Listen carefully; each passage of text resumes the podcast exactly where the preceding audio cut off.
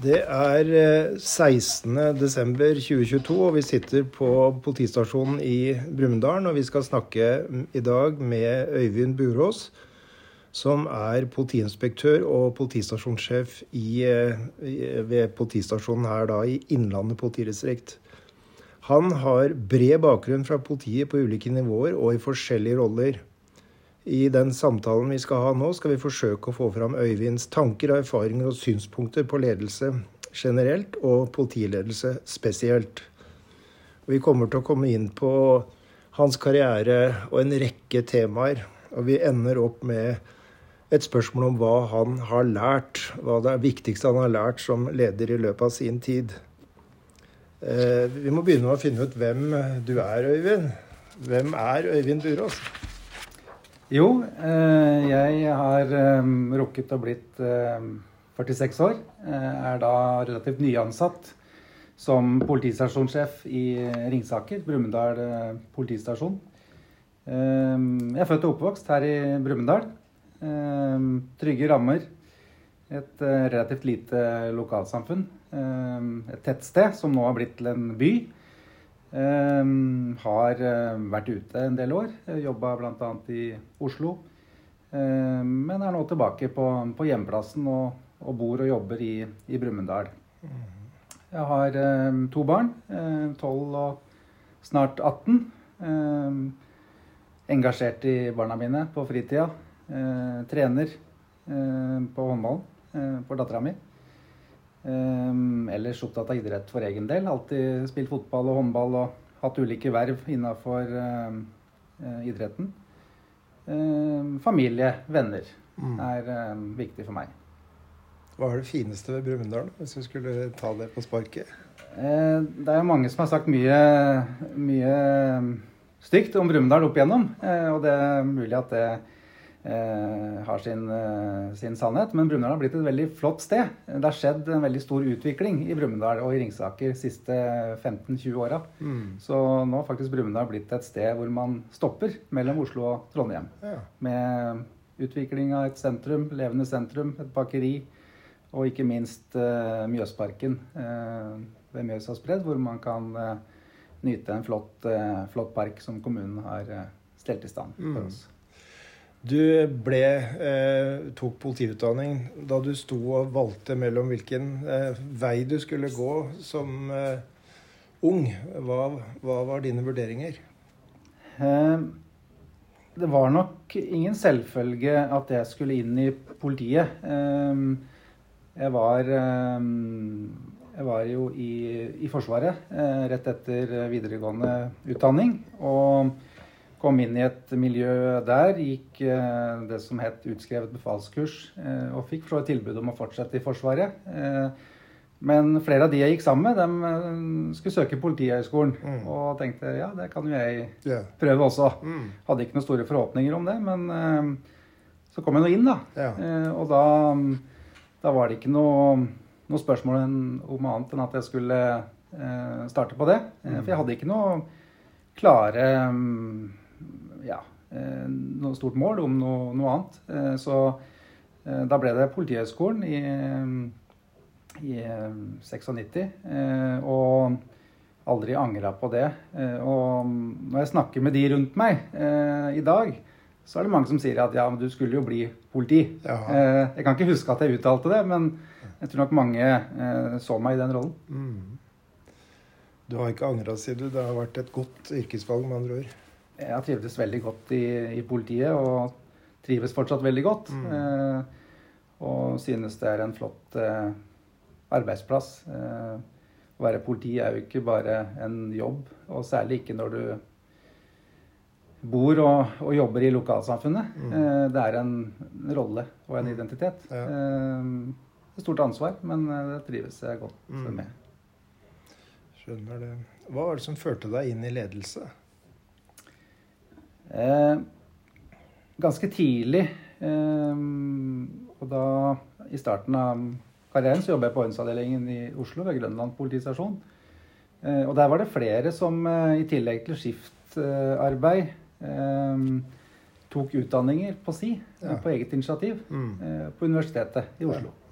Og det hadde jo, hadde jo mye fritid. Ja. Så det kasta jeg meg på også. Jeg starta på pedagogikk, grunnfag. Ja.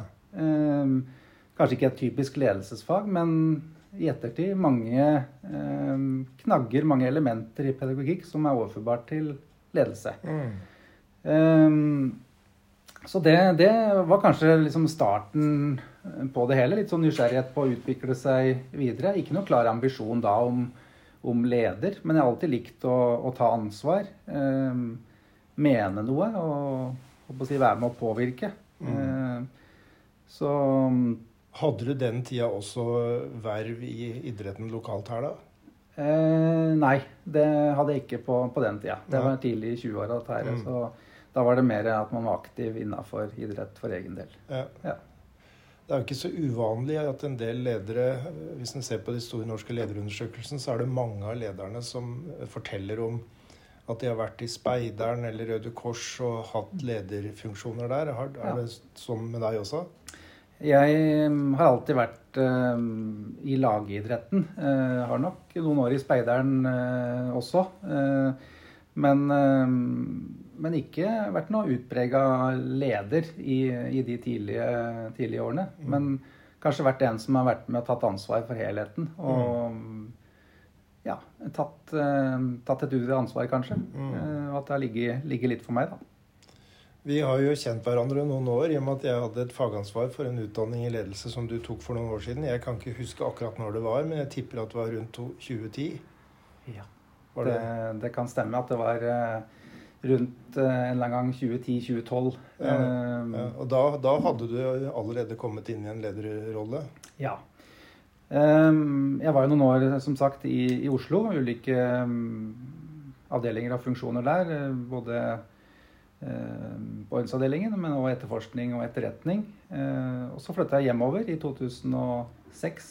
Eh, Jobba da over det som het Ringsaker lensmannskontor, som nå har blitt en politistasjon. I ulike roller, men fikk ganske tidlig da både frihet og ansvar og, og lederoppgaver, mm. som egentlig har fulgt med da siden 2007-2008. Mm. Mye samarbeid med Eh, kommunen. Eh, forebyggende arbeid, men også innen vakt og beredskap. Mm. Du holder på med en eh, formalisering av lederkompetansen din. Du jobber med en master i ledelse. Hvorfor bruker du tid på det? Det er jo som du sa, Rune jeg starta jo på første del av lederutdanninga mi på nettopp Høgskolen i Lillehammer. Eh, og etter hvert så fikk jeg da plass på Politihøgskolen på det som het LOU2, eh, hvor du var fagansvarlig. Eh, og så har det gått noen år, og, og jeg har jobba med ledelse. Men jeg har egentlig etter den perioden på Politihøgskolen, LOU2, hatt et ønske om å kunne ta master i ledelse en dag. Nå er det en ganske stor, et stort valg, eh, mye jobb. Men uh, nå har jeg kasta meg på det. Mm. Og jeg går på et program på det som heter Høgskolen i Innlandet på Lillehammer. Master i offentlig styring og ledelse. Mm. Og starta opp der i høst og ferdig med første semester og første eksamen der. Men det, det handler jo om at uh, jeg anser meg sjøl som relativt ung fortsatt mm, og skal være med i mange, mange sesonger til. Mm. Og ønsker å utvikle meg. Ja. Og jeg mener jo at eh, som leder i politiet så, så, har du en plikt til å oppdatere deg og utvikle deg. Eh, du er en del og virker i et, eh, et samfunn. Eh, det er forventninger hos de vi samarbeider med. Mm. Mange av de i kommunal sektor. Ledere, andre ledere i offentlig har gode, godt skolerte, gode utdanninger. Mm. Og jeg ser litt på det masterstudiet nå som en relativt det er ganske bredt. Det er, ikke, det er ikke ensidig på ledelse, men det er rett og slett um, å lære seg om samfunnsstrukturer og hvordan ting fungerer. Mm. Um, på et litt mer avansert nivå. Og det, det er veldig givende. Det er mm. folkeopplysning. Ja. Er det en form for uh, påfyll både faglig og, og, i forhold til energi sett knytta til rollen din som leder? Ja, det, det vil jeg si. Jeg treffer uh, mange andre um, Eh, ledere fra det offentlige, ulike etater. Mm. Og det gir jo et, et samspill. Spennende å høre hvordan det er andre, andre steder. Og det er jo også med en ambisjon å kunne kvalifisere seg for andre stillinger i, i framtida. Så bra. Vi har vært inne på det, men du nevnte på sida at du er engasjert i familien din, og at du er trener og har lederfunksjoner i idretten. Hva er dine tanker om å balansere jobb og fritid? Du putter jo mye inn i døgnet, åpenbart. Ja. Eh, jeg har blitt mye mer bevisst på eh, at den balansen er viktig for å mm. være en god kollega, for å være en god eh, politi, og en, særlig en politileder, så tror jeg det er viktig å ha god balanse. At du henter energi da, for å være en best eh, mulig utgave av deg sjøl på jobb. Mm. Eh, og for min del så, så, er barna mine åpenbart veldig viktig for meg. Og den tida man får sammen med de mens de fortsatt bor hjemme. Ja. Eh, og det å kunne følge opp og få lov å være en del mm. av den kretsen som barna dine er i, det er veldig givende. Og jeg gruer meg til den dagen eh, barna blir store og, og flytter ut. Eh, lurer litt på hva jeg skal finne på da. Men, eh, men det å ha verv og engasjere seg sammen med barna, det, det, det, er veldig viktig for meg. Og, og, det gir meg påfyll, og det gir meg mulighet til å tenke på andre ting enn jobb og, og de problemstillingene man står i her. Mm. Så tenker jeg det vi, vi er jo ulikt skrudd sammen, men for min del så er det òg viktig eh, med litt alenetid. Eh, litt trening, litt mentalhygiene. Eh, mm. være i skogen. Mm. Eh, løpe i skogen og, og, tømme huet. Det er kanskje den beste medisinen for meg eh, i en travel hverdag. Ja, mange som liker det. Gjøre plass, til, gjøre plass til det. Det, det, det, er viktig. Dette er jo en viktig del av det å drive selvledelse. Ja. Å være klar over man, altså det er en balanse, rett og slett, og man må sørge for ulike former for påfyll. Mm. Så det er der du henter energi og overskudd. Da. Familie, fritidsaktiviteter og, og egen trening. Ja, jeg, jeg, vil jo si at jobben i seg sjøl er svært motiverende. Så det, det gir meg mye. Mm. jobben her ved Brumunddal politistasjon og, og, rollen som, som politi. Uh, identiteten som politi. Men jeg har nok blitt mer bevisst, som jeg sa, på at det også er viktig å gjøre andre ting eh, for å komplettere mm, livet. Og da er det med aktiviteter, eh, barn, familie, venner og trening viktige, mm. viktige elementer mm. for meg. For de som ikke er i politiet, og kanskje også for andre òg, så er det litt interessant og litt spennende å få et slags innblikk i et utvida innblikk i hvem disse politimenneskene er. Og jeg spør, spør også om eh, leser du bøker, er du interessert i kunst, eh, tar du flysertifikat? Altså, hva, hva, hva, gjør du ved siden av det du allerede har nevnt? Mm. Jeg er nok en veldig sånn um, konkret, litt sånn faktaorientert person. Jeg er ikke så veldig kanskje opptatt av, av, kunst og det abstrakte. Eh, jeg leser jo åpenbart litt bøker akkurat nå fordi ja. at jeg studerer. Ja. Eh, men eh, sånn ellers så er nok det med å lese noe som er litt sånn sommerferie og kanskje til og med jul- og nyttår-aktivitet for meg. Ja. Gjerne da um, krim, Jo Nesbø f.eks., men også faktabøker som jeg finner interessante. Leser du noen av bøkene til din uh, sambygding Tor Gottaas? Tor Gottaas, han uh, hadde vi faktisk inne her på, på en personalsamling i, i våren 2022. da leide vi inn Tor Gottaas for å snakke om historien i Brumunddal. Ja. og det er en uh, veldig interessant fyr å høre på, hvordan han forteller om lokale forhold på inn- og mm. utpust. Så mm, ja. han, uh, han, har jeg et forhold til. Så det, det er veldig spennende. Men uh, jeg er glad i musikk. Ja. og veldig ulike typer musikk fra ulike håper å si, tidsepoker. Men det er òg en ting som gjør meg godt. Og slappe av til god, god, musikk. Gjerne og sitte litt på YouTube òg og se på konsertopptak og sånn. Det syns jeg er spennende. Har du, spiller du, eller har du spilt i korps? Nei, jeg, faren min hadde nok en ambisjon om at jeg skulle spille et instrument, og han sendte meg sågar på notekurs. Ja. Men eh, det, jeg kom aldri i mål eh, på, på det. Men jeg er veldig glad i musikk, og vi er òg en god eh, kompisgjeng som eh, reiser litt rundt eh, innimellom. Og vi er glad i fotball, sjølsagt, men, Ja. men også musikk. Så vi, vi har noen turer eh, På både inn og og sånn, utenland på, på konserter. Så det, er, det er det noen helt konkrete favoritter, eller? Ja, det er jo eh, Det er veldig variert, men jeg har faktisk en eh, dragning mot litt sånn punkrock. Ja. Eh, Green Day, eh, eksempel, er en eh, Helt ukjent for Så meg, men det, det, det er eh, musikk som jeg liker å, å høre på. Så bra. Eh, Men det er ganske altetende. Masse forskjellige typer. Og, Vi har fått et sånt bilde av eh, på å si, eh, hvem du er. Eh, Går det an å, eh, og hva slags interesser du har, hva slags menneske du er. Kan du si noe om hva som har forma deg som menneske? Eh, Hva, hva, hva du mener er det viktigste? Ja, jeg syns det er et stort og vanskelig spørsmål.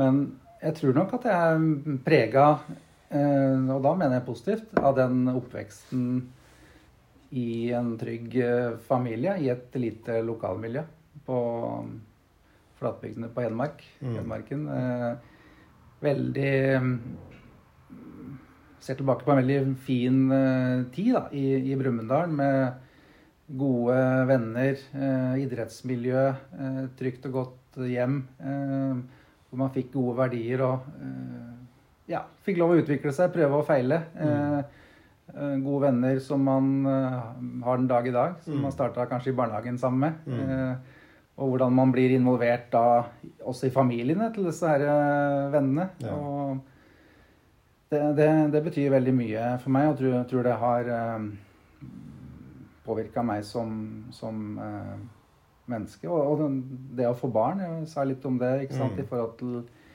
det å, å få barn og ha, ha barn. Det mm, har vært eh, og er viktig for meg å kunne Mm. følge opp de på en god, god måte. Mm, Du var innom at du har fått verdier eh, eh, i, i familien din og oppveksten.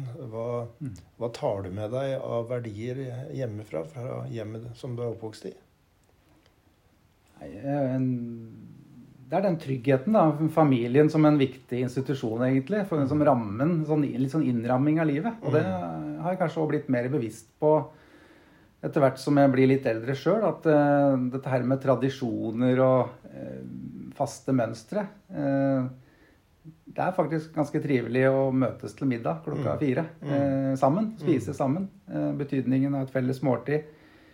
Um, det med mm, ganske klare forventninger til eh, ja, både rett og galt om en, til deg som, som menneske. Eh, men også det med omsorg og, og frihet under ansvar. At Mm. eh, alt er mulig. Mm. Eh, men eh, du må jobbe for det. Mm. Ta, fører du de verdiene videre på din egen familie og dine egne barn? Ja, jeg håper det. Jeg Mm. håper jeg klarer, klarer det. Og Mm. jeg opplever jo at barna mine er veldig involvert i eh, mine foreldre og den, den utvida familien. Da. Eh, sånn at eh, de, de verdiene overføres mellom flere generasjoner. Mm. Mm. Interessant når jeg leser akkurat ei bok av en engelsk eh, eh, terap, familieterapeut. Ja. Eh, nå husker jeg ikke hva hun, hun heter, det spiller ingen rolle, men hun sier noe at eh, vi har med oss bagasje fra flere slektsledd foran oss. Ja. Og det, det syns jeg er ganske interessant. Det er ikke overraskende når man begynner å tenke på det. Eh, men det hun er, eh, peker på at det er både på godt og vondt. Så Ja. Ulike ting som har skjedd eh, hos foreldregenerasjonen eller besteforeldregenerasjonen eller enda, enda lenger bak, det påvirker oss på en mer eller mindre bevisst måte. Ok, det var dypsindig. Eh, hvis vi går konkret på en eh, arbeidsdag som politistasjonssjef her i Brumunddal. Jeg må ta meg litt sammen, for jeg er så vant til å kalle det lensmann i Brumunddal. Så jeg må, må, må konsentrere meg. Men uh, hvordan ser en, uh, en, en typisk arbeidsdag for deg ut? Jo, um, jeg tenker jo at um, kanskje litt viktig å sette den konteksten eh, først, da, på hva som du sier. For det, det er faktisk et poeng det du er inne på, Rune. At eh, Brumunddal politistasjon det er historisk sett et lensmannskontor. Og hvis man går enda lenger tilbake i tid, så, så er det faktisk en sammenslåing av tre lensmannskontorer eh, i, i, kommunen. Um, men eh, kjennetegn på et lensmannskontor er jo eh, ikke sant, generalisten, og at man bidrar på tvers. Eh, og så har vi utvikla oss og blitt en politistasjon og er nå seksjonert i to seksjoner med etterforskning og orden forebyggende som to, eh, to seksjoner, hvor jeg har to seksjonsledere også. Eh, så det er på en måte omrisset av organisasjonen. Men det er fortsatt sånn hos oss at vi dyrker generalisten og, fellesskapet. Vi er jo i overkant av 30 ansatte. Men mm, arbeidsdagen starter alltid med felles, et felles møte, en, felles, eh, en morgenparole som vi kaller det. Hvor vi går gjennom eh, siste døgns hendelser og hvilken betydning det har for dagen som, som møter oss og fordeler arbeidsoppgaver. Eh, et felles startpunkt. Og det, det er ganske viktig. Og det, det det vi fikk jo utfordra den tankegangen litt i mm. koronaepidemien f.eks. med utstrakt bruk av hjemmekontor, hvor man i mindre grad kunne møtes i, i større grupper. Mm. Eh, men tenk at det er et kjennetegn hos oss at vi, vi starter felles. Mm. Eh, og for min egen del så, så er det jo eh, si, løpende drift og administrasjon. Men det er også ledelse gjennom eh, seksjonslederne primært. Mm. Eh, men vi er ikke større enn at eh, her snakker alle med alle eh, hver dag på, mm. på jobben.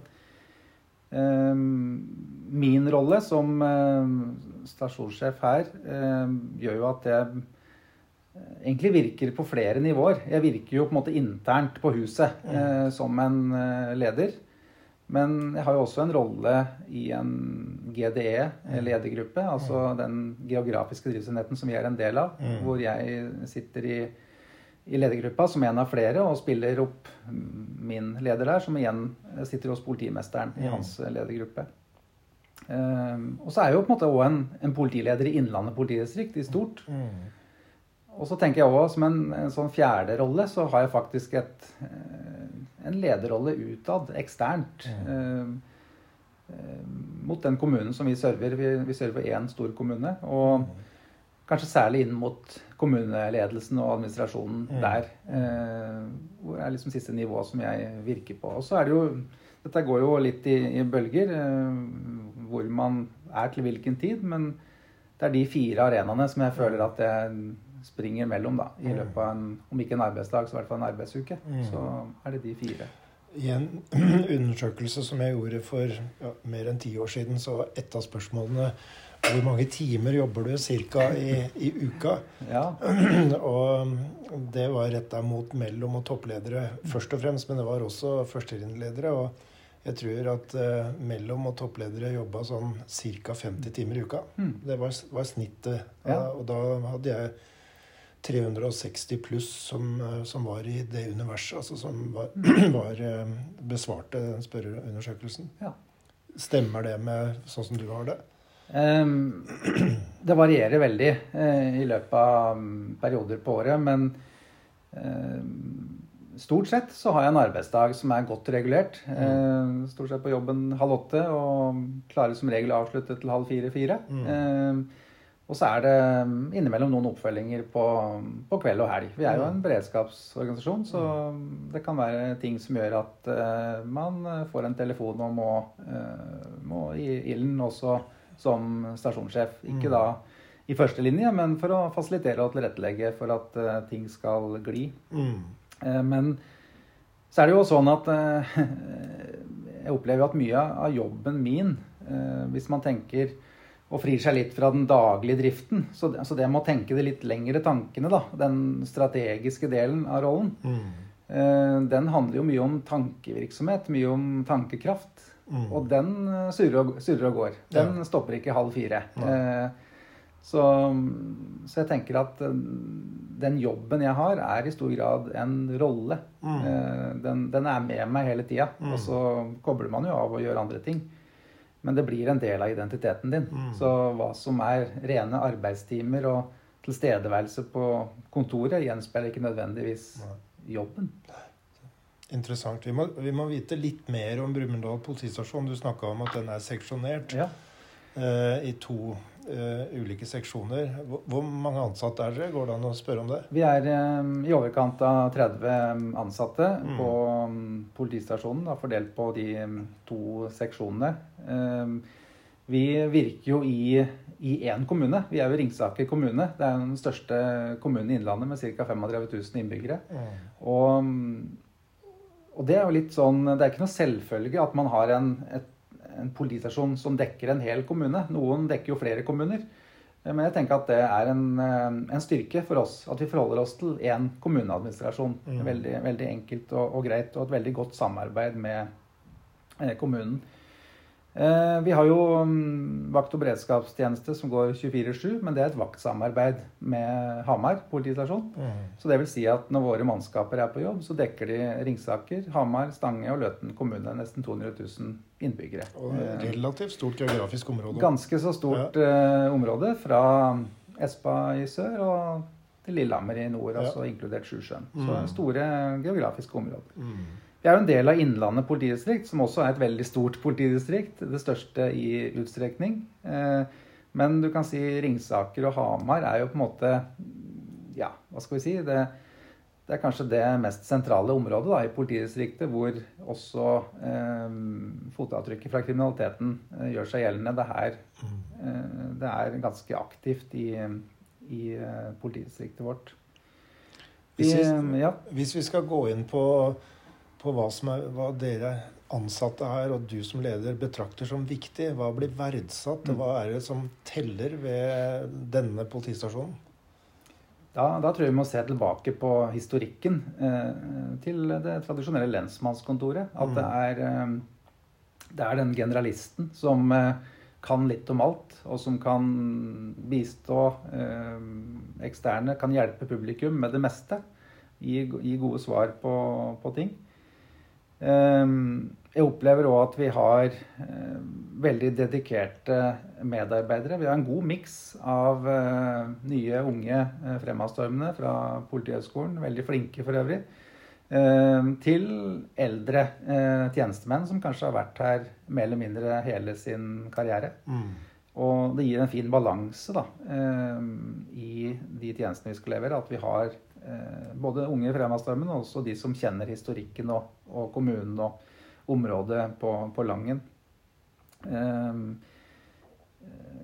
jeg opplever òg at eh, de aller fleste som jobber her, de bor i kommunen. Og det gjør noe med eh, De har en commitment. Da. Mm. De, eh, de legger sin ære i den jobben som gjøres her. Mm. Eh, igjen, som jeg var inne på, jeg tror for mange med meg som jobber her, så blir det en rolle. Det blir ikke bare en jobb. Du, du, du er politi i Ringsaker. Mm. Og en del av lokalsamfunnet på godt og vondt. Det tror jeg mm, preger oss. Eh, og mm, dette med å, bidra på tvers, da. Stille opp for Ja. hverandre. Så det, hvis jeg skal prøve å ta en sånn oppsummering, så handler det om eh, generalisten, altså kompetanse og til eh, hvordan man ser rollen sin som politi. Mm. Og så uh, snakker du om uh, god, godt samarbeid med kommunen. Altså det er integrert i lokalsamfunnet. Og jeg kjenner jo til det som har bodd i Ringsaker kommune i, i 40 år. Mm. Ja. At, at eh, det har vært spesielt godt og nært konstruktivt samarbeid mellom tidligere kollegaer av deg her og, og, og kommunen over Absolutt. lang tid. ja. Så det, det tror jeg nesten er eh, et, et særtrekk. Og så, og så sier du det med den lokale forankringen og identiteten og drivkraften som de ansatte har her knytta til jobben sin og den rollen de gjør. Er, Ja. det, er, det en Ja, det, gangbar en god, oppsummering? det er en god oppsummering. Og dette her med samhandlingen med kommunen det, Man var relativt tidlig ute her i forhold til det forebyggende arbeidet og så etablere forpliktende eh, samhandlingsarenaer eh, med, med kommunen, som strekker seg ganske langt tilbake i tid. Ja. Eh, så det har Jeg vært bare, ganske bare eh, kommer på et spørsmål her. Altså, vi var så vidt innom eh, Helt til å begynne med så spurte jeg deg hva er det som er bra med Brumunddal, og så dro, dro du Du tok utgangspunkt i eh, kritikk. Og det er jo ingen eh, hemmelighet at eh, det var eh, oppstandelse her, eh, og mye negativt rundt 1990, og mm. kanskje et år til. Men så kom Brumunddal på nye veier. Altså, ja. Tror du at eh, den kraftsamlinga som var der, har noe å si for den tette og konstruktive samhandlingen som er mellom politi og lokalsamfunn? Ja, det tror jeg åpenbart. Og det er jo litt sånn Hvis man tenker også på eh, på endring og endringsledelse, så er dette her med ikke sant, og, og når krisen er som størst, så, så får man gjerne eh, kraft til å endre på ting. Og det tror jeg kanskje var litt tilfellet her hos oss òg. At eh, det ble såpass ille eh, på slutten av 80- og tidlig 90-tallet at eh, man måtte gjøre noe. Ja. Og det var flere gode krefter da som forena seg. Både frivilligheten gjennom Brumunddal på Nye Veier, men også eh, kommunen. Ja. Eh, og etter hvert også politiet som klarte å gjøre grep da, som ja. kom samfunnet til gode eh, på lang sikt. Mm. Og mye, mye, bra har skjedd etter mm. det. Og man har kanskje gått fra å, å være litt eh, forsiktig med å si hvor man kommer fra, eh, til å være stolt av hjemplassen og kommunen og ja. alt som har skjedd. Mm. Så det, det, har jo vært en stor endring. Og jeg vil si jo at eh, eh, vi har jo ja, en ordfører og en rådmann som, som har videreført den kulturen eh, som har vært. Og det er en mm. veldig aktiv kommune, nemlig fremoverlent kommune, mm. som er bevisst på hva den totale utviklingen da, har å si. Mm. Eh, Men det jeg også vil si, er at dere er fremoverlent og aktive samfunnsaktører for å skape et godt lokalsamfunn, både i Brumunddal, men også i hele kommunen. Ja, og det tror jeg kanskje blir en av de viktigste rollene da, til et sånn eh, lokalt eh, politi. At vi, vi er jo ikke til for oss sjøl. Altså, vi, vi, vi, skal være med og være en viktig bidragsyter til en samfunnsutvikling og til å støtte opp de gode tingene som skjer rundt oss. Mm. Og det ser jeg på som litt eh, ja, kanskje kjernen da, i samfunnsoppdraget vårt. Mm. At vi skal bidra. Vi skal være en viktig støttespiller for å, at det skal være trygt og godt å bo og leve i, i Ringsaker. Mm. Dette her minner meg litt om hva jeg nylig har opplevd i skotsk politi. Vært på en studietur der sammen med et kull av politiledere. Eh, og der fortalte de skotske politilederne vi traff, eh, at eh, knytta til reformer i skotsk politi i 2013 så bestemte politikerne at man i tillegg til det tradisjonelle som er mange steder, altså trygghet, lov og orden, så uh, ført, innførte de begrepet well-being. Som uh, kan ha litt forskjellig eh, forståelse, men, men det er livskvalitet og gode lokalsamfunn. At, at mennesker kunne leve gode liv. Ja. Og det, sa de, gjorde noe om tankesettet hos politilederne og politimenneskene i forhold til hvordan de både jobba, men også hvordan de jobba forebyggende. Ja. Og at de så seg som en aktør inn i Eh, for å skape god velferd og livskvalitet hos eh, innbyggerne i Skottland da, og, og, de ulike lokalsamfunnene. Den tankegangen syns jeg kjenner igjen litt hos dere. Ja. Det, ja, det er interessant eh, det du sier der. At vi er, vi er jo så heldige å ha en godt utvikla velferdsstat i Norge. Det er ingen selvfølge. Nei. Men politiet har jo faktisk en viktig rolle inn i det.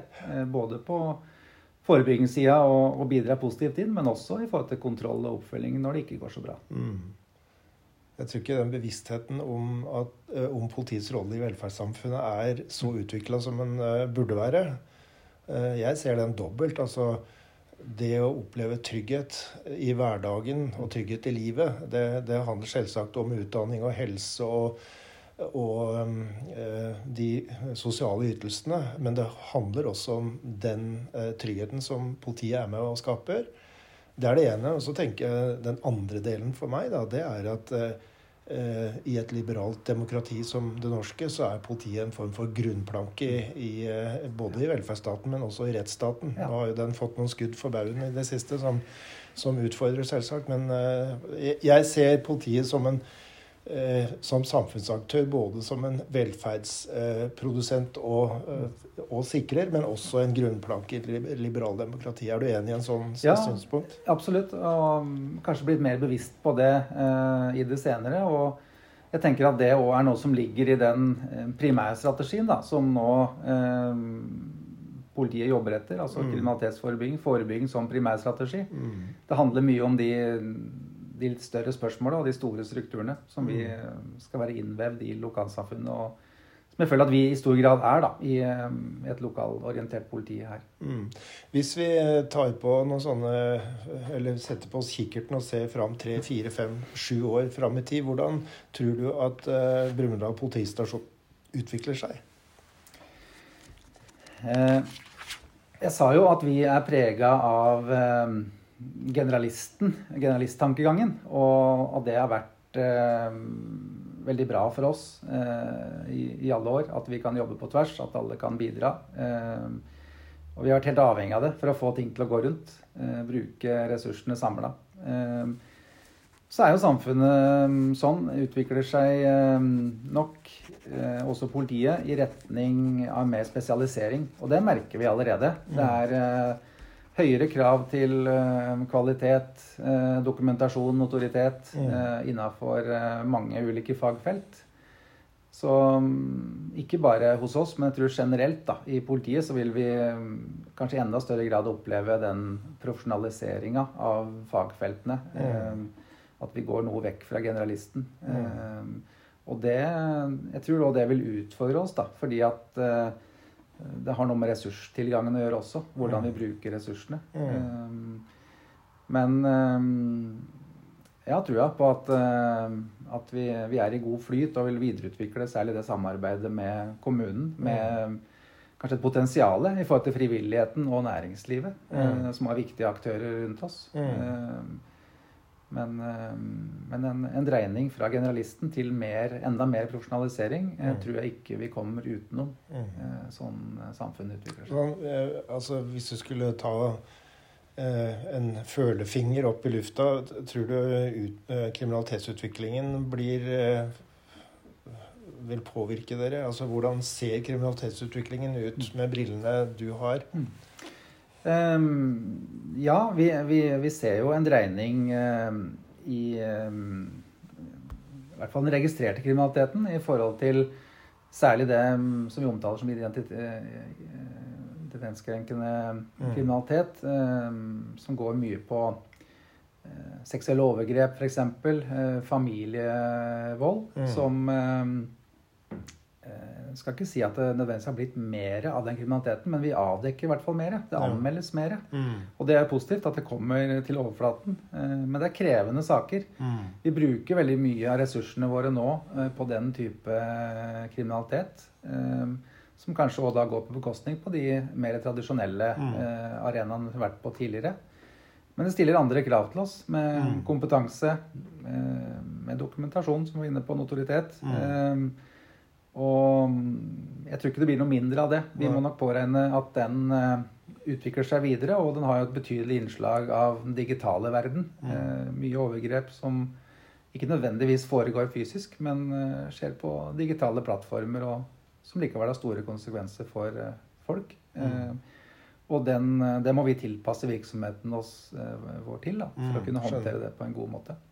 Skal vi snakke litt om ledelse, og der kunne jo du og jeg sikkert sitte et par dager og, og kost oss med detaljer både fra administrasjon og ledelse og styring og prosesser og kultur og alt mulig.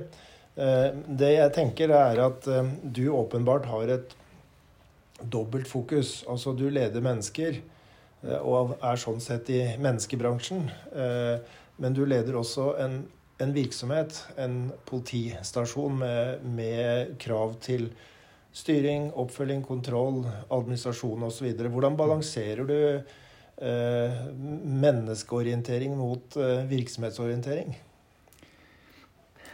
Ja, jeg tenker jo først og fremst at eh, det er jo ikke noe enten-eller. Det er jo Mm. ja takk, begge deler. Eh, det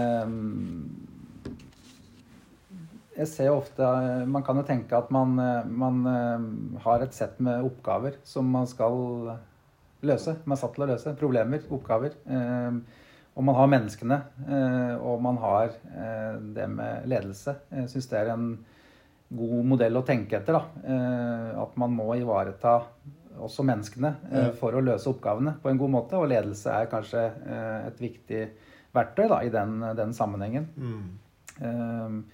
Men um, jeg har trua på at, um, at man må tenke helhet, da. Uh, og, og være bevisst på, på, begge deler. For min del så har jeg jo jeg har jo to seksjonsledere, så det er viktig for meg også å være bevisst på at jeg skal lede gjennom de mellomlederne. Mm. At jeg ikke går de i næringa, mm. men at vi både framstår og snakker sammen for å peke ut en retning eh, og være forutsigbare for de ansatte. Mm. Eh, sette prioriteter. Mm. Eh, da tenker jeg også at det er viktig når man sier noe om hva som er prioritert, så må man også si noe om hva som da er mindre prioritet. Mm. Og, og, sånn sett, da, at Jeg tenker noen ganger på at jeg som øverste leder her på, på bruket ikke nødvendigvis alltid er i direkte dialog med den ansatte. Men det mm. kan òg være fordi at jeg holder igjen litt og prøver å skape den arenaen for mellomlederen. Ja. At, det, at, det, skal være eh, Jeg skal ikke trå den i næringa. Ja. men vi er heller ikke større enn at vi, vi, vi treffer jo på hverandre i gangen her. Mm. Men eh, det er noe med å lede gjennom de, de mellomlederne da, som en som er en bevissthet for meg. Mm. Tidligere så var du inne på Eh, da vi snakka om arbeidstid og, og, hvordan en arbeidsdag hos deg så ut, så, så, var vi inne på de løpende oppgavene, og så tok du opp dette her med uh, å tenke og jobbe strategisk. Hvordan ba balanserer du liksom daglig drift mot uh, strategisk tenkning og strategisk ledelse?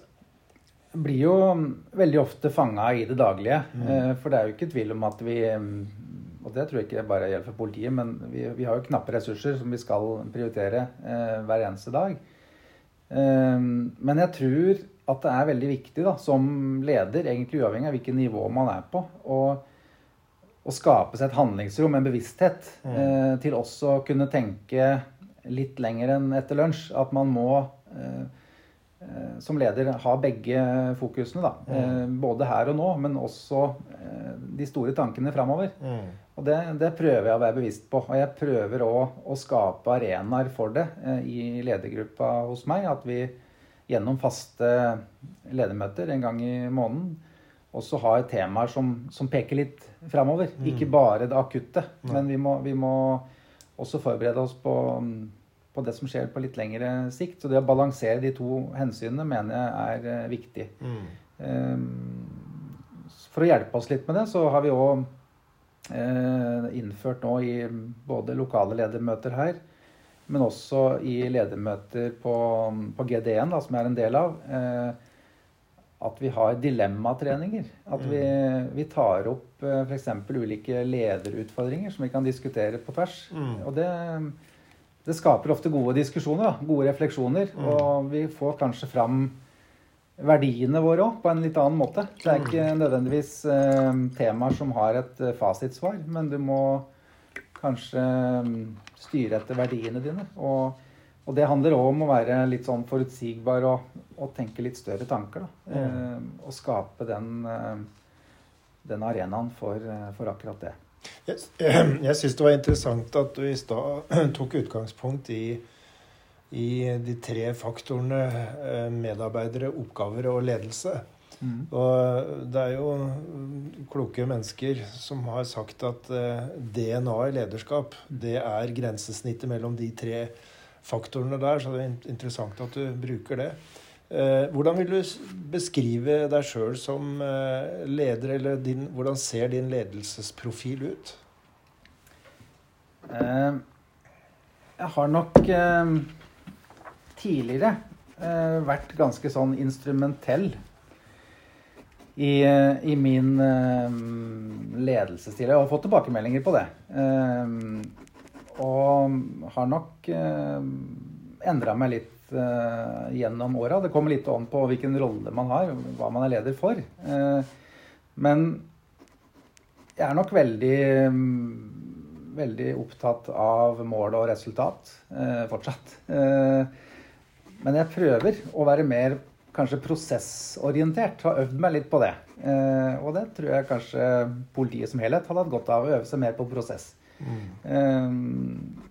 Og jeg har egentlig blitt veldig bevisst eh, etter at jeg starta jobben her i februar i 2022, så Vi er en liten ledergruppe med to seksjonsledere og meg. Eh, og så hadde jeg tenkt at vi innimellom inviterer verneombud og, og tillitsvalgt til disse ledermøtene. Men eh, det som har skjedd, er at de har vært med på hvert eneste møte eh, så langt Mm. i, i år.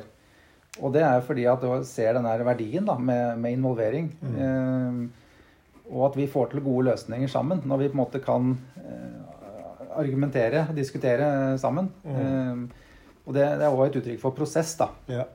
For jeg er nok veldig Jeg mener at eh, det med å ta beslutninger, det er sentralt i ledelse.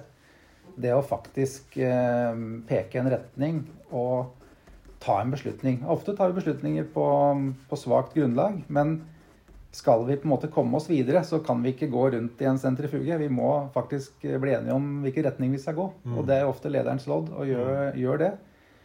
Og, og det mener jeg fortsatt er helt, helt sentralt uh, i, i det å drive ledelse.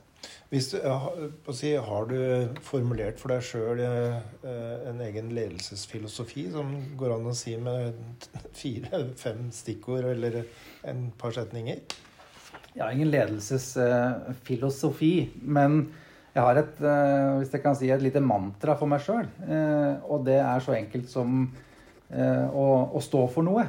Ja. Eh, Fordi eh, alle ser til lederen. Alle ser hvordan lederen reagerer, hvordan lederen agerer eh, på ting. Og som leder så, så mener jeg at jeg må faktisk i vanskelige spørsmål gjøre meg opp en mening.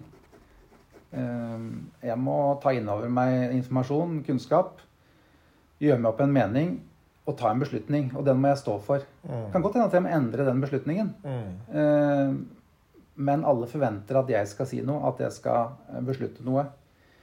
Så det, det står sentralt. Og når jeg da gjør det som leder, så må jeg stå rakrygga i det. Jeg må stå i den beslutningen. Mm. Så må jeg være ydmyk, ydmyk nok til å kunne si, hvis det bar helt feil av sted, at, det var, eh, at vi kanskje skal prøve en gang til, eller endre. Mm. Men jeg tror det er en forventning til meg at jeg skal, eh, skal mene noe. Eh, Så det, det mener jeg er viktig, og det, det står for noe. Det er noe som er på en måte mantraet mitt i, i ledelse.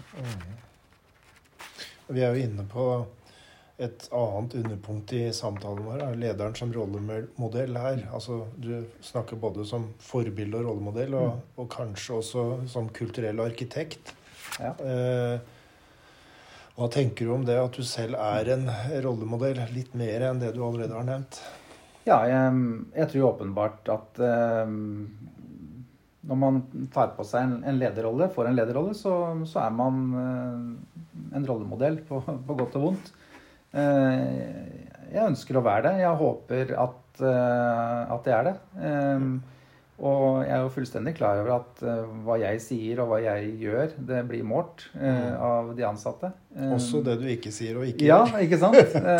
Så, så det, det, er, det er helt klart. Og det er jo ikke enkelt å endre kultur. Du er inne på det med kulturell arkitekt. Mm. Men, men jeg, jeg tror at eh, man gjennom eh, sin væremåte da, kan i hvert fall være med å, å bygge og bidra til en kultur. Mm. Eh, hvordan man fremstår, hvordan man snakker. Hva du eh, legger vekt på. ja, hvilke arenaer man er på. Ja, hvor du setter grenser, og hva slags normer er det som, Ja. som og verdier som gjelder. Ikke ja. sant? Så, så jeg tror man har en påvirkning på det, i hvert fall som leder. Eh, Det slår meg nå hvis jeg ser på, på den eh, på å si din karriere til nå, så forteller du at du har holdt på med eh, å bygge kompetanse og drive utvikling, faglig utvikling, egentlig siden du var en ung politimann. Tror du det er, er et, eh, en eller annen form for element ved deg som rollemodell, og et form for signal som du sender til medarbeiderne? eh, jeg håper det, at også medarbeiderne ser, og at vi eh, i ledelsen her er flinke til å verdsette da, de som tar initiativ til å ønske å utvikle seg. Og det, vi har faktisk flere av de som helt utenom eh, Politihøgskolesystemet eh, tar videreutdanninger i tillegg til full jobb mm. på, på, egen bekostning for å nettopp utvikle seg sjøl. Og det, det syns jeg er veldig bra å se. Mm. unge fremadstormende kollegaer som har en ambisjon, som ønsker åpenbart å sånn jeg ser det, bli i politiet, ja. men ønsker å skape seg en karriere gjennom ja. å utvikle seg sjøl. Og det, det syns jeg er eh, spennende og veldig bra. Mm. Jeg vil anta at det har betydning for eh, miljøet og kulturen her, åpenbart. Ja. Eh, søker du, og eventuelt hvordan søker du feedback på eget lederskap? Eh, vi har jo mm, faste mm, ledermøter. Eh, jeg eh, bruker særlig mm, seksjonslederne mine, men også tillitsvalgt verneombud når vi skal ta viktige beslutninger. For å Jeg har nok en oppfatning av åssen jeg ønsker at ting skal bli. Men jeg, ønsker gjerne å, å, å, å, spille det ut for å, for å bryne meningene. Høre er det noe jeg har oversett, er det noe jeg har glemt, er det noe jeg ikke har tenkt på. For å få innspill på, på det. Det er én måte. Og vi har også eh, det vi kaller for sånn fot i bakken-samtaler. Korte korte møtepunkter innimellom med, som jeg har med mine seksjonsledere, for å høre litt om hva som er status, hva som går bra, hva som kanskje er utfordrende. Hvor jeg også ber om uh, tilbakemeldinger. Er det noe jeg uh, kan bidra med? Er det noe jeg skal gjøre annerledes? Mm. Så det er viktig for meg å prøve å på en måte få en litt sånn temperaturmåler på også hvordan min jobb utøves. Mm. Og jeg håper og, og, tror at også lederne rundt meg har opplever da, et handlingsrom og en tillit, eh, takhøyde, til å, å, mm. gi direkte tilbakemeldinger. Og det, det hender seg at jeg får. Det, en, en side ved lederskap, eh, Øyvind, det er jo altså det menneskeorienterte. Og jeg vil påstå, med bakgrunn i teori, da, at eh, ledere bør være glad i mennesker. Mm. Kjenner du igjen et sånt utsagn, eller en sånn hva skal vi si, konklusjon, kanskje? Ja. Det, jeg tror at ledere, åpenbart. Eh, det som du var inne på, det handler om det, det er i menneskebransjen. Vi, ja. vi behandler mennesker, og det, det, er noen viktige prinsipper som gjelder da. Eh, rettferdighet, eh, forutsigbarhet. At man behandler de rundt seg med respekt. Mm. Det, det, mener jeg er en selvfølge. Og overført til politietaten, da, så mener jeg at det er egentlig en selvfølge for alle oss som jobber i politiet. Vi behandler mennesker. Og skal behandle de med et sett av verdier som gjør oss fortjent til tillit. Mm. Mm. Det er jo sånn også at eh, medarbeidere, eller mennesker Alle mennesker har et sånn iboende behov for å bli sett eh, og, og, verdsatt. Du har så vidt toucha det. Kan du si litt mer om, om hvordan du tenker på det å se eh, dine medledere og dine medarbeidere? Mm. Hvordan skjer det på å si rent konkret? Ja, det er jo um, jeg tenker at uh, jeg ønsker å være såpass tett på, også i organisasjonen her, at jeg er i stand til å, å ta medarbeiderne på fersken hvis mm. de gjør noe bra. Eh, og, og, rett og slett eh, påpeke det, og gjerne i plenum. Ja. Og um, vi har jo drevet med litt sånn ulike utviklingsprosjekter på, på huset her. Eh, kontinuerlig forbedring, om du vil. Og et av de tiltakene vi har innført, er at uh, når vi har disse morgenmøtene som jeg snakka om, så har vi gått til innkjøp av en liten bordbjelle. Ja. Eh, og den bjella fungerer sånn at eh, hver enkelt har mulighet til å, å ta den bjella og plinge. Ja. Eh, og da skal man fortelle om noe man har lykkes med, noe som er bra. Fint. Eh, det handler om å feire de små, eh, små seierne. Mm. Eh, og ofte så er det jo noen i ledelsen som, som plinger i den og, og skryter av de ansatte. men det jeg på en måte ønsker også å oppnå, er jo at vi etter hvert kan komme dit at man kan plinge i bjella og si noe, noe bra om sin makker eller sideordna, men kanskje også at man tør å ringe i bjella og si noe bra som man har gjort sjøl. Ja. Uh, så det handler litt om også det å bli, bli, sett, og at vi ser hverandre da, i mm. hverdagen. For vi, mm vi blir jo veldig fort opptatt av hva vi ikke får til, og ressursene som ikke strekker til. Mm. Men hvis man begynner å, å, se litt nøyere etter og summere, så er det ganske mye vi får til mm. også i løpet av en arbeidsdag, i løpet av en arbeidsuke. Mm. Eh, som er bra, og som har betydning for folk. Mm. På å si, du, du brukte et uttrykk tidligere i samtalen her legge til rette for, for at medarbeidere skal kunne løse oppgavene sine. Mm.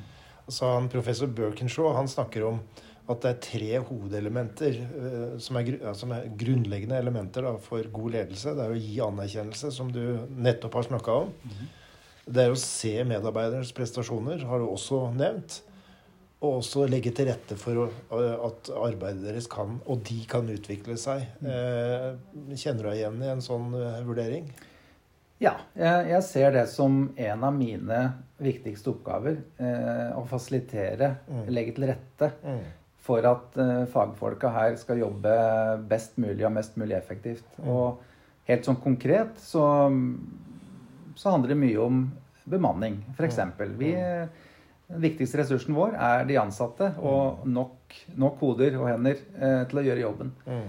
Så det å til enhver tid sørge for at vi har en optimalisert bemanning ut fra de eh, midlene vi har fått tildelt, det, det er en typisk fasilitatoroppgave. Det, mm. det er noe som opptar meg, og som jeg mener er viktig da, som mm. leder her, å sørge for at vi har folka. Tenker du da eh, på en måte både at eh, en optimal bemanning skal bidra til å skape gode polititjenester i, i Brumunddal og i kommunen, mm. og at det skal skape et eh, trygt og godt eh, og arbeidsmiljø for de ansatte? Er det, er ja, det sånn? Det skal være et levelig arbeidsmiljø, arbeidsbelastning. Eh, men i bunn og grunn det vi blir målt på, er jo de tjenestene vi leverer til publikum. Mm. Eh, samfunnsoppdraget da, i, i stort. Og Eh, forutsetningen for det er jo at vi har eh, folk som, og lister som går rundt i forhold til vakt og beredskap, og at vi etterforsker de sakene vi har på bordet med tilstrekkelig kvalitet og eh, med en viss grad av effektivitet. Mm. Mm. Den forrige riksadvokaten han brukte begrepet adekvat kvalitet, og det er vel ja. det du sier med tilstrekkelig. Um, en av de sentrale oppgavene for ledere er å evne å se talenter. Eh, du har for så vidt vært inne på det at du, at medarbeidere At du legger merke til at medarbeidere på eget initiativ, eh, og at du verdsetter det, at de utvikler seg. Men eh, tenker du noe på at det kan være mennesker som ved siden av å være faglig dyktige, også har talenter som ledere? Altså at du prøver å spotte og, og legge til rette for utvikling av ledertalenter? Ja, vi, vi, har jo ulike Sjøl om vi sånn formelt sett har eh, en politistasjonssjef og to seksjonsledere, så har vi jo fagledere mm. også i vår organisasjon. Eh, og det finnes jo etter hvert nå også ved Politihøgskolen ulike lederutdanninger tilpassa fag, som f.eks. Mm. innsatsledelse, etterforskningsledelse. så jeg er opptatt av det. De som er på vei inn, eller som har sånne posisjoner, at de også får muligheten da, eh, til å konkurrere om eh, studieplasser og blir motivert og kanskje får eh, en liten push på å faktisk starte på, på videreutdanning. Jeg mm. syns det er både spennende og viktig. Og vi har flere her som, mm. som både har gjennomført og som, som ønsker å gjennomføre den type utdanning, og som jeg ser som framtidige ledere på, på, høyere nivå enn de er i dag. Så flott. Og det gjelder også når vi har, eh, når vi har ledighet, eh, at eh, disse personene får mulighet til å fungere kanskje på et høyere nivå enn det de har i sin faste stilling. Så det bruker vi aktivt. Jeg tenker at det er viktig, et viktig element av det å være leder. Altså se talentene og bidra til at de utvikler seg. får mulighet til å utvikle seg. Eh, jeg kommer på et tema her. altså Hvis vi tar en liten eh, til til USA, så, så, sies det der at du skal inn og gå i grunnstillinger. De bruker jo ikke det ordet, selvsagt, men de sier at du skal begynne på bånn, og så tar det ti år før du kan regne med å komme inn i en lederstilling, og litt ja. lengre tid før du får, får utdanning. Mm. Og så kritiseres den der, og så setter man det opp mot hvordan det er i Forsvaret, hvor, hvor ledelsesfaglig påfyll går hånd i hånd med praksis og med veiledning. At, du, at man vokser og får større oppgaver, i tillegg da faglig påfyll. Og den, den, virkeligheten der, den er ikke så veldig fjern fra hva vi ser i Norge. Og jeg har et helt konkret eksempel. Det er eh, ei dame som nå ikke er i politiet lenger. Hun hadde utdanning fra Forsvaret. Eh, utenlandstjeneste i Forsvaret. Var opp mot majors, var kapteinsgrad eller major og hadde lyst til å begynne i politiet. Og opplever akkurat det jeg beskriver med, med det amerikanske bildet.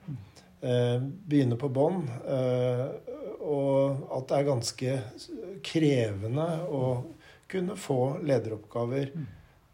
På å si, Kjenner du deg igjen en sånn virkelighetsbeskrivelse? Og, og er det noe vi kan gjøre for å eventuelt endre på det, etter din mening?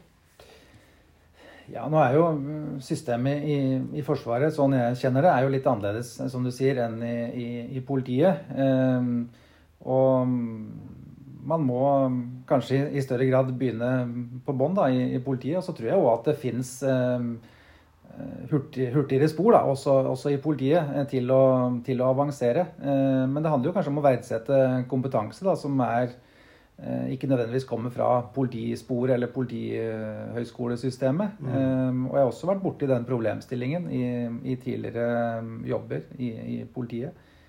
Um, men jeg tror òg det er viktig å tenke på at, um, at det med, med, læring da, handler jo ikke bare om høyskoler, universiteter og studiepoeng. Er, den viktigste arenaen for læring er jo egentlig i, i det daglige. Så dette er med veiledning det å kanskje komme inn i en stilling, eh, at vi er, eh, har en vei å gå bli bedre på det å ta, eh, særlig førstelinje, ta, ta, folk inn i varmen. Bli en mm. del av ledelsessystemet, ledelsesapparatet. Mm.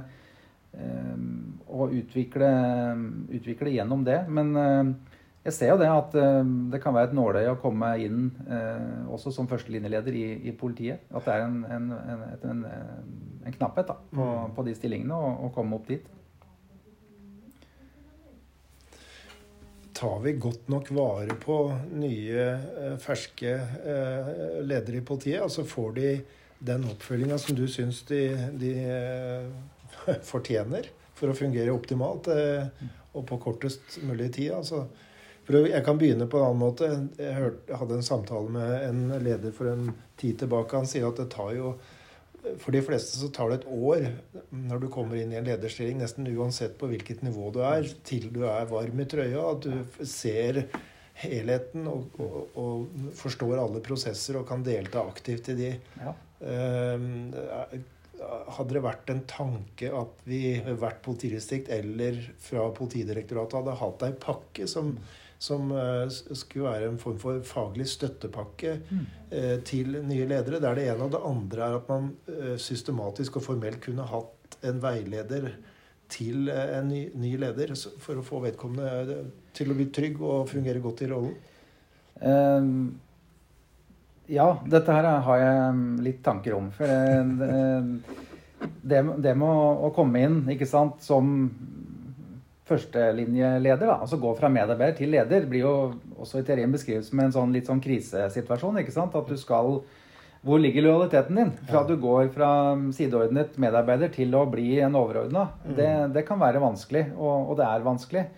Um, hvor ligger lojaliteten? Uh, og, og, der tror jeg vi har mye, da, um, som organisasjon og som ledelse, å hente på at vi må ta disse menneskene inn i varmen da, i, i ledelsessporet. Det må mm. bli en del av noe. Hvis du skal på en måte heve deg over og bli, eh, bli noe annet enn en sideordna medarbeider, du skal bli en overordna, så må du faktisk bli tatt inn i varmen et sted. Ja. Og der eh, tror jeg at vi har litt å hente, eh, særlig på førstegangsledere. Ja. At de må føle og kjenne at de blir anerkjent, sett eh, og blir en del av noe som ledere. Ja, for jeg lov, bare avbryter deg litt. Det jeg hører, det er at uh, det er en sosialiseringsprosess ja. som skal skje fra fagperson til leder. Ja. Og det er også en endring i, det, i identitet. Også, uh, og det er for den enkelte person. Men så skal du altså inn og aksepteres i et miljø som er annerledes enn det du er vant til. Mm. Eh, og du skal fjerne deg fra et miljø som du har vært trygg og, og god ja. og vært en del av. Ja. Så det er ganske stor, og, i tillegg så skal du utføre Du får et ansvar og en rolle og oppgaver som du ikke helt mestrer, eh, åpenbart. Kanskje har du vært god i faget, og så går du inn i en ny rolle du, hvor du kanskje ikke er den beste lenger. Mm. En liten sånn personlig krise. Ja. Da, da trenger man å bli, bli tatt, eh, tatt hånd om, da. Og jeg er veldig trua på det siste du var innom, Rune, i forhold til det med mentorering da, og veiledning. Ja. Eh, etter hvert også formell utdanning. Jeg tenker at det er viktig, men kanskje først og fremst det å, å kunne ha noen å, å spare litt med og, snakke litt med og bli veileda. Det, det, det er jo en ordning som er innført i politiet nå med mentorering, men som vi kanskje kunne utvida til å gjelde flere nivåer og i større grad Ja. i etaten vår. Handlingsrom er et eh, begrep som jeg bruker i de samtalene her. Og grunnen til det er jo at jeg som tidligere fagansvarlig for eh, ulike lederutdanninger ved Politihøgskolen har hørt det begrepet altså vi, i massevis av uformelle samtaler. Men også i faglige diskusjoner, og også knytta til oppgaveskriving. At eh, handlingsrommet er noe som opptar politiledere. Det opptar sikkert også alle andre ledere. Det vil jeg tro. Eh, og det er også kommet fram i, i studier som jeg sjøl har vært en del av.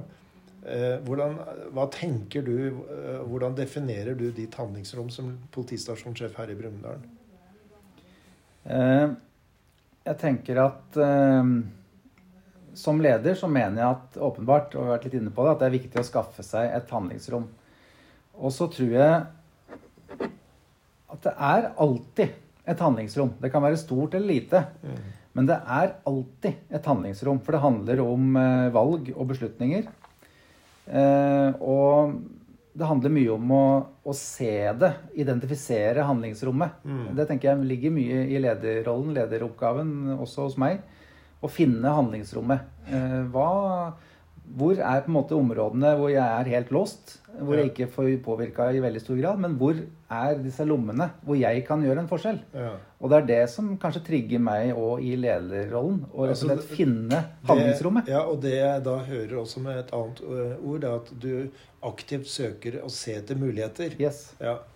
Se hvor ligger mulighetene, og hvordan kan jeg utnytte de. Mm. Det er ikke alltid at de uh, mulighetene er så store. Men uh, kanskje kan små, små endringer, små drypp, eh, også være med å dreie ting i en enda bedre eh, retning. Og eh, jeg tenker jo som så at eh, i en lederrolle uten handlingsrom, det ville ikke vært en interessant stilling.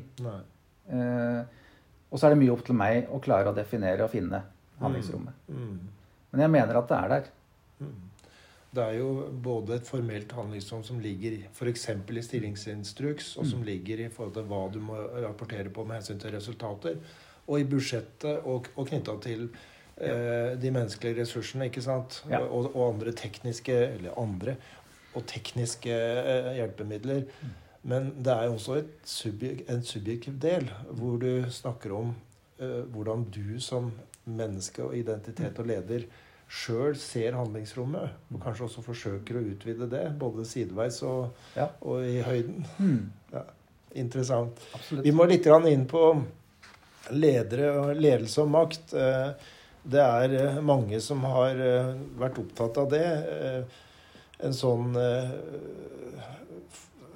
Jeg tror vi lærte det ganske unge allerede i 20-årsalderen at, at eh, det, altså det er makt knytta til lederroller, og at det er en fare for at man blir litt, eh, kan bli litt korrupt eh, av makt.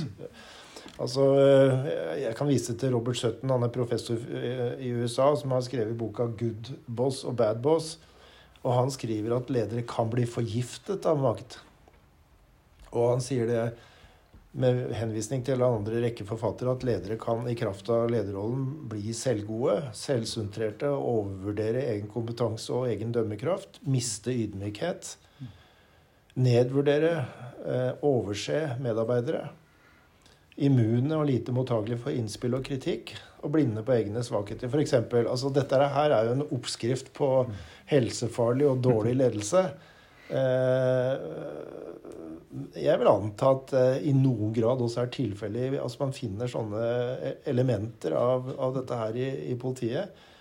Eh, Hva, eh, si, er du bevisst eh, at det er eh, at makt kan påvirke deg som, eh, som leder i en negativ retning? Og hva gjør du eventuelt for å motvirke Ja. Eh, det jo dette her med makt og ledelse det er jo veldig interessante temaer. Sånn i det daglige så tenker jeg at man eh, Man kan se det veldig tydelig i forhold til informasjonsflyt, altså tilgang på informasjon. Mm. Eh, som leder så har du ofte en litt eksklusiv tilgang på utvida informasjon. Mm. Og til hvilken tid. Du er tidlig ute. Du Mm. får starta en prosess med deg sjøl. Ting får modnes. Og så er det også da å, som leder å, å dele denne informasjonen, da. Eh, I hvert fall det man kan. Og også tillate at eh, endringer og, og det som eventuelt er på gang, får lov å modnes hos medarbeiderne. Det tror jeg, tror jeg er viktig. Eh, men jeg er jo avhengig av alle ansatte her på politistasjonen for å få gjort jobben og for å drive den utviklinga og endringa som vi står i. Um, så jeg må jo spille dem gode. Um, men jeg tror det er viktig som leder å være bevisst på den asymmetrien da, som ligger der. Um, som leder så, så er du overordna. Noen, noen vil synes det er vanskelig å skulle stille kritiske spørsmål eller komme med forslag og, og innvendinger, og at man er bevisst på det og prøver å skape arenaer og legge til rette. da. For min del så går det mye på det å dele informasjon. Vi har jo som jeg sa, faste morgenmøter. At jeg refererer til møter jeg har vært på. Informasjon som jeg kan dele. Og som også inviterer til tilbakespill da, og, og få innspill fra de ansatte på, på de tinga. Men jeg tror det er viktig å være bevisst på, da. Også i stort, altså politiet i stort, som samfunnets maktapparat. Ja. At vi er bevisst når vi er ute i dialog med publikum. altså Det er en asymmetri også der, ikke sant? Hva, hva vi representerer. Mm. Og at vi er bevisst på hvordan vi bruker den makta som ligger der. Da er du inne på noe jeg syns er ganske interessant, og som har opptatt meg i ganske mange år. og det Altså, Ledelse skjer alltid i en kontekst. altså En intern kontekst er den organisasjonen det eh, skjer i. Og den eksterne er mot samfunnet og eh, omgivelser og eh, samarbeidspartner osv. Ikke sant? Og det, den eh, bevissthet knytta til den samfunnsinstitusjonen som politiet er, det sivile maktapparatet, det gir en eller annen form for innramming av lederskap som jeg håper at politiledere eh, er bevisst. Altså, vi har som etat så store fullmakter på, vei, på vegne av samfunnet til å opptre overfor deg som privatperson og meg som privatperson. Mm. Eh, eh, altså, du kan pågripe meg og sette meg eh, rett og slett inn i en arrest, altså. Så det er ganske Har du noen tanker om hvordan eh, eh, det sivile maktapparatet, hva slags rammebetingelser det gir for deg som leder? Bare noen refleksjoner der. Ja, eh, det er som du sier, altså vi, vi må bruke den makta med, med kløkt. da. Eh, og det er jo sant, føringer på dette her, at, man, at eh, man skal ikke bruke mer makt enn nødvendig. Og heldigvis er det relativt sjelden at vi trenger å bruke makt, men bare det, det ligger jo bare at politiet har makt, og ofte er det, det, det nok. Men eh, sånn i det daglige da, så mener jeg at det er viktig å vise at politiet er noe mer enn de som kommer når det har skjedd noe alvorlig. Når vi kommer med blålys og sirener. altså Vi må, må vise at vi, vi tar samfunnsoppdraget, da, bredden i samfunnsoppdraget på alvor. At vi er til stede også i, i godvær. Eh, og sånn helt konkret, eh, vi jobber jo med forebyggende arbeid på mange arenaer hos oss. Eh, noe som vi har snakka om nå i det senere, er at eh, også ledergruppa hos oss skal bidra i større grad til, eh, om ikke forebyggende arbeid, så i hvert fall den samfunnsdialogen. Så nå når vi innimellom nå, når vi har ledermøter på enheten her, så kommer vi til å invitere oss ut til samarbeidspartnere. Mm, smart. Så kommer vi til å gjennomføre vårt ledermøte. Men vi kommer også til å invitere som en del av møtet til en dialog. Om det er en privat bedrift, om det er en offentlig virksomhet, kanskje et idrettslag. Mm. Så ønsker vi å invitere til en dialog. Hva, hva er viktig for dere? Hvordan, hva slags politi trenger dere? Hva, når dere ringer til politiet, hva er viktig for dere da? Mm. At vi også får de eh, tilbakespillet. Og det tror jeg òg da, da viser vi at politiet er noe bredere, noe mer. Mm. Og det handler om at vi også tar til oss da, eh, publikums både råd og innspill og behov. Mm. Du sa eh, tidligere at eh, knytta til spørsmålet om hvorfor du tok en master i ledelse, så kom du inn på at eh, mange ledere i andre deler av offentlig sektor er godt faglig skodd. Eh, og eh, ja, det er åpenbart eh, ganske god, eh, god bevissthet da, i mange offentlige etater knytta til ledelse som fag. Ja. Og betydningen av det. Har vi stor nok modenhet eh, knytta til ledelse i politiet, etter din mening? Jeg syns eh, at det er mm, positive ting på gang. At det, har, blitt, eh, at det har endra seg. Mm. Det syns jeg. Vi har nok tradisjonelt vært veldig eh, Lagt fokuset på eh, ja, oppgavebasert ledelse, altså på aksjonsledelse på faget, og i mindre grad den strategiske biten av det. Eh, men jeg syns at jeg ser eh, endringer på det. At det er en positiv vind da, som Mm. eh, også blåser innover politietaten. Mm. Forsvaret har et såkalt grunnsyn på ledelse. Er det, på å si, ville det ha vært noe som hadde hatt på å si, livets rett og hatt en positiv effekt på lederskap i norsk politi? Det er mulig at man kunne vært mer eh, konkret på å definere det, men eh, samtidig så har jo mm, politiet Vi har et ganske tydelig samfunnsoppdrag i mm, politiloven. Eh, Jeg tenker at vi kan bli flinkere til å snakke om hva det betyr for oss. Hva Mm. betyr det samfunnsoppdraget? Mm. Når jeg møter på jobb og tar på meg uniformen, hva, hva slags rolle går jeg inn i da? Mm. Eh, Hva betyr samfunnsoppdraget for meg i den jobben jeg skal gjøre i dag?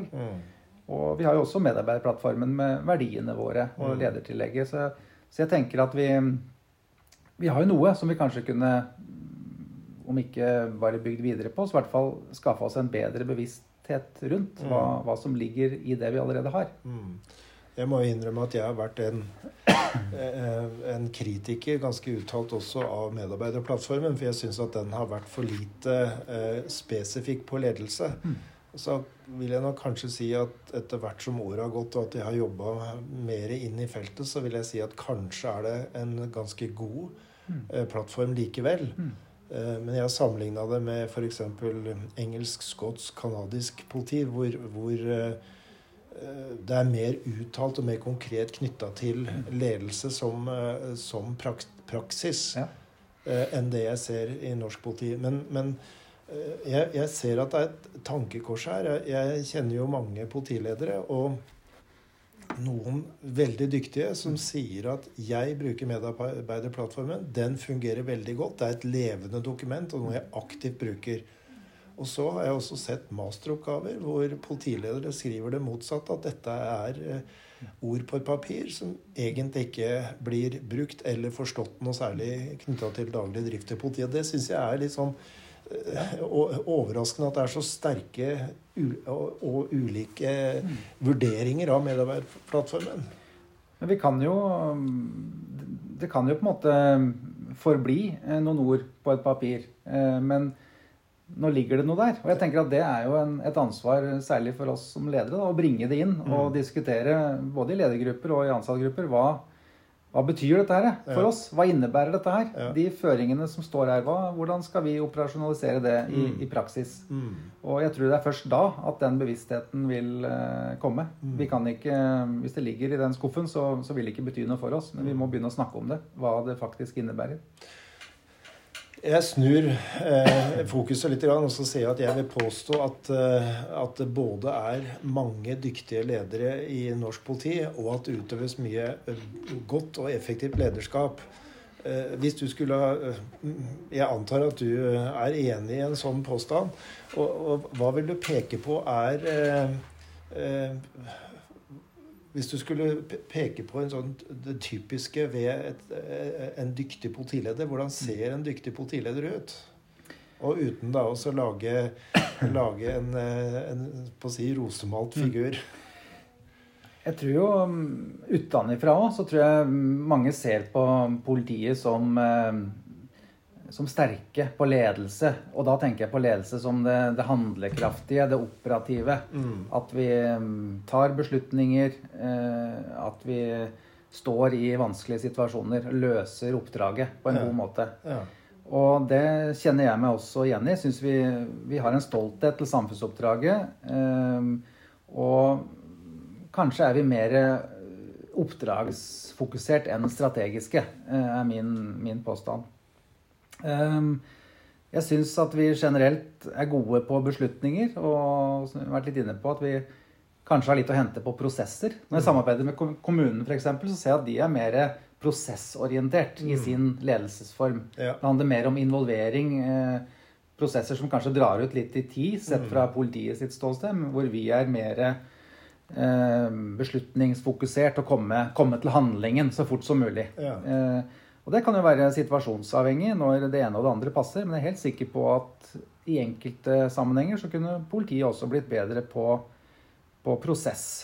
Eh, og det er kanskje en brannfakkel, men jeg, jeg, ser jo at vi i noen sammenhenger eh, kanskje tenker at vi, vi, vet best. Politiet vet best. Ja. Også på arenaer som ikke er vårt kjerneområde. Mm.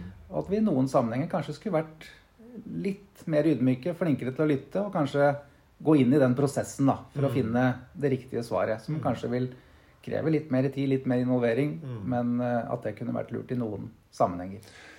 Tenk deg at uh, du fikk en invitasjon fra Moelven Bruk uh, til å komme og snakke om kjernen i politiledelse og det på å si det, det, gode og effektive ved politilederskap. Hvilke eh, si, faktorer vil du ha nevnt da i en sånn, uh, en sånn presentasjon? Jeg tror det er det som vi var inne på nå, det med den, den operative ledelsen. Ja. Jeg tror det er det mange vil si kjennetegner eh, politiet. Det handlekraftige. Beslutnings... Ta beslutninger, peke ja. en retning og faktisk gå i den retningen. Ja. Omsette Eh, beslutninger til handling. Det tror jeg ville eh, ha pekt på som kjernen ja. i, i, politiet. Hvis vi snur eh, fokuset mot deg, da. Når eh, vil du si at du var på ditt beste, eller er på ditt beste som eh, leder? Nei, så Nå er det jo litt som vi innleda med, litt meg som, som, type. Kanskje litt sånn eh, analytisk. Liker å vurdere og tenke litt. som en typisk hedmarking før jeg bestemmer meg. Um, men ehm, jeg tror Jeg, jeg føler sjøl at jeg er på mitt beste når jeg kan være med å tilrettelegge for at laget her presterer best mulig. Når vi sammen oppnår gode resultater. Eh, og hvor jeg har vært en del av det. Ikke til å utføre oppgaven nødvendigvis, men til å sørge for at det blir eh, enklere, og at det glir godt for de ansatte. Da, da føler jeg at det kanskje er på mitt beste. Når Og jeg kan bidra til helheten som leder. Mm. At min aktivitet som leder har betydning for hvordan oppgaven blir løst og utfallet av oppgaven. Skjønner. Eh, har du tenkt noe på, eh, på spørsmålet om hva verdien av eh, godt lederskap er? Jeg mener jo at ledelse er en kritisk ressurs. Mm. alternativet er dårligere. Mm. altså hvis man ser eh, Altså det vil alltid være ledelse, tenker jeg. Mm. Eh, men eh, det er jo viktig at, at, de som er satt til å, å, ha den rollen og oppgaven, faktisk utøver den. Hvis ikke så er det ikke sikkert at vi styres etter de måla og de resultatene vi skal, skal nå. Mm. Så, så, jeg mener at det som vi var inne på, oppgave, medarbeider, ledelse, at det er helt sentralt da, i mm. en virksomhet å mm. utøve ledelse. Vi begynner å nærme oss en, eh, en eh, slutt her. Jeg eh, skal gå inn på et underpunkt som jeg har kalt læring og vekst. Jeg har lyst til å spørre deg, Hva er det som har drevet deg som politileder? Du har jo vært inne på det og nevnt ja. f.eks. det å sette retning og kunne påvirke og se, an, eh, se oppgaveløsning, eh, god oppgaveløsning hos medarbeideren din. Men det er kanskje noen andre ting også som eh, har, har drevet deg som politileder? Vi har jo vært innom eh, det meste av det. Det, det handler nok mye om det å, å, få lov å være med å, å påvirke, mene noe. Være med å utvikle. Um, og så er det den derre med rollen som politi. Um, vi har ikke snakka så mye om det, men jeg er veldig opptatt av det med medarbeiderskap. Altså hva, hva betyr det å være ansatt i politiet? Og da mener jeg ikke eh, bare som leder, og heller ikke bare som, som ansatt. Altså alle oss som er ansatt i politiet. Hva innebærer det? Altså, for de fleste så, så har du en stillingsinstruks. Du skal, et arbeidsforhold er et bytteforhold hvor du går på jobb, mm. utfører en tjeneste som du får betalt for den 12. i hver måned. Men for meg så er det ikke nok i politirollen. Det er ikke nok med den stillingsinstruksen. Det er noe mer å jobbe som politi. Og da er det et par andre punkter som er sentrale der. Og det ene handler om ansvar. At du som ansatt i politiet har en ansvar for helheten på arbeidsplassen din. Eh, ta ansvar for utvikling, for arbeidsmiljø, eh, for det som skjer utenom mm. din egen kontorpult. Mm. Og det siste punktet, som er kanskje det aller viktigste, det, det handler om initiativ. Ja. Og det handler også mye om eh, vekst og, og, kanskje om læring òg. Eh, at jeg har en forventning, og jeg, har, jeg, håper også at jeg bidrar til at de ansatte her føler et handlingsrom, da, hvor det er lov å prøve og feile. Hvor de har en ambisjon om å se om det jeg gjør i dag, eh, kanskje jeg kan gjøre det bedre i morgen. Er det noe jeg kan utvikle innafor mitt område? Mm. Hvordan kan jeg bidra til at vi i enda større grad, enda mer effektivt, når måla våre? Mm. Og da, Hvis vi får til den dynamikken der, eh, med en ledelse som skaper et handlingsrom, hvor de ansatte ser og tar handlingsrommet, eh, så tror jeg òg det blir mye mer interessant da, å være ansatt et sted. Mm. Og det, det, handler mye om eh, meg som leder, å prøve å tilrettelegge for en sånn kultur. Mm. Interessant. Jeg hører to momenter. Det er altså ansvar, og, og det er uh, utvikling. Uh, ja. Brukte du kanskje. Men jeg, initiativ. initiativ. ja. Men jeg lurer også på uh, For meg så er det nærliggende å høre mening. Altså ut fra både det du sier nå, men også det du har sagt tidligere i samtalen vi har. Ja. At det er, er, et viktig element i lederskap for deg. Ja. ja. Og da er vi tilbake til samfunnsoppdraget, egentlig. Mm. Den eh, ganske betydelige meningen som ligger der. Men mm. vi har jo alle dager som er vanskelige. Mm. Eh, som vi jobber med oppgaver som vi kanskje ikke er så eh, veldig motivert til å gjøre. Mm. Men eh, det å, å, finne den meningen da, og se helheten. Eh, hva er det som gir deg den største tilfredsstillelsen da, ved å være politileder? Hvis du skal oppsummere det. Nei, vi har, jo har snakka om det òg. Og det er det å være en del av det laget. Å kjenne på ansvaret, rollen som politi, og faktisk være en, en, en vesentlig og betydningsfull aktør i lokalsamfunnet. Mm. Det, det, er kanskje det som trigger meg mest i rollen som politistasjonssjef her i, mm. i Ringsaker. Spennende. Hvis du skulle se tilbake på, på den lederkarrieren du har hatt til nå eh, Du, jo, du har flere sesonger igjen, sa du, å spille som, som politistasjonssjef.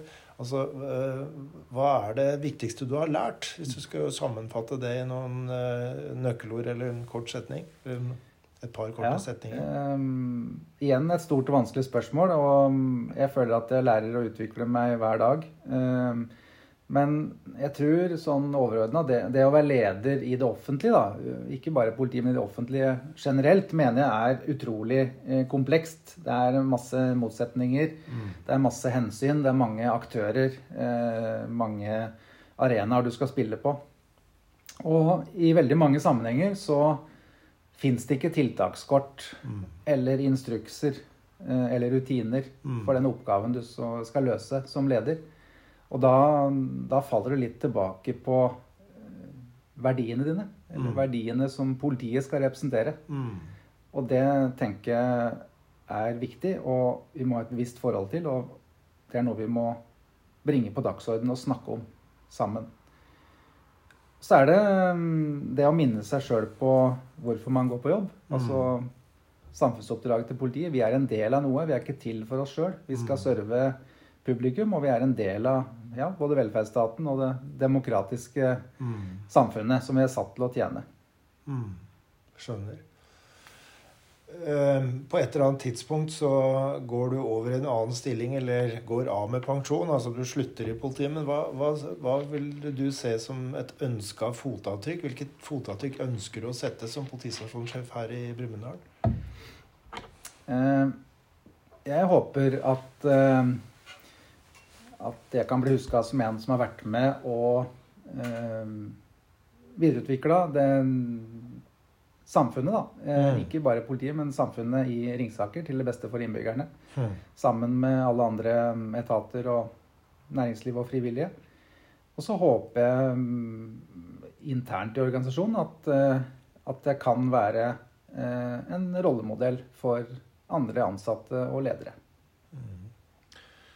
Veldig fint. Tusen takk for en interessant samtale. Så vil jeg ønske deg lykke til videre i flere sesonger som politileder. Takk for det, Rune.